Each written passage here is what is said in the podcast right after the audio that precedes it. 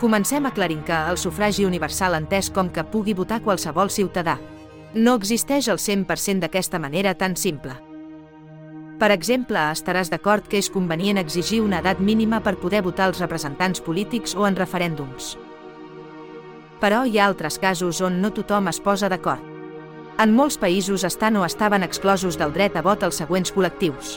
Les persones amb problemes de salut mental, els residents estrangers, militars i o policies, perquè podrien ser intimidats per votar per obediència. I casos completament inacceptables com les dones, les persones d'ètnies minoritàries, les persones que no saben llegir i escriure, o els delinqüents. La majoria dels països han tingut una obertura progressiva del dret a votar per a diferents col·lectius ciutadans. Alguns fins i tot van recular per 20 anys. Altres, com els Estats Units d'Amèrica, van deixar votar les dones dècades abans de deixar votar els negres el 1965. Altres països van donar el dret a vot a les dones, però no la possibilitat de presentar-se per ser elegides. A Espanya l'absurd va ser al revés. Les dones van poder ser elegides com a diputades abans que poguessin votar.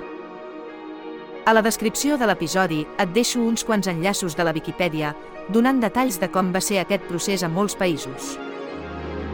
Aquest any 2022 fa 80 anys que les dones poden votar a la República Dominicana. Tot i que el país americà amb més anys de sufragi universal és Uruguai des del 1917. És a dir, fa més de 100 anys.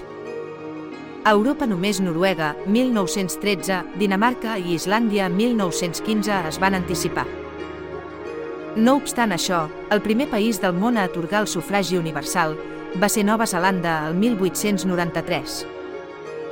Espanya, malgrat el sufragi universal va ser inclòs a la Constitució del 1890, no va ser fins al 1933, Segona República, que van poder votar les dones per primer cop. Ara fa 89 anys. Datòfils. Busquem, analitzem i compartim dades. Escolta'ns a YouTube, Telegram o a la teva app de podcast.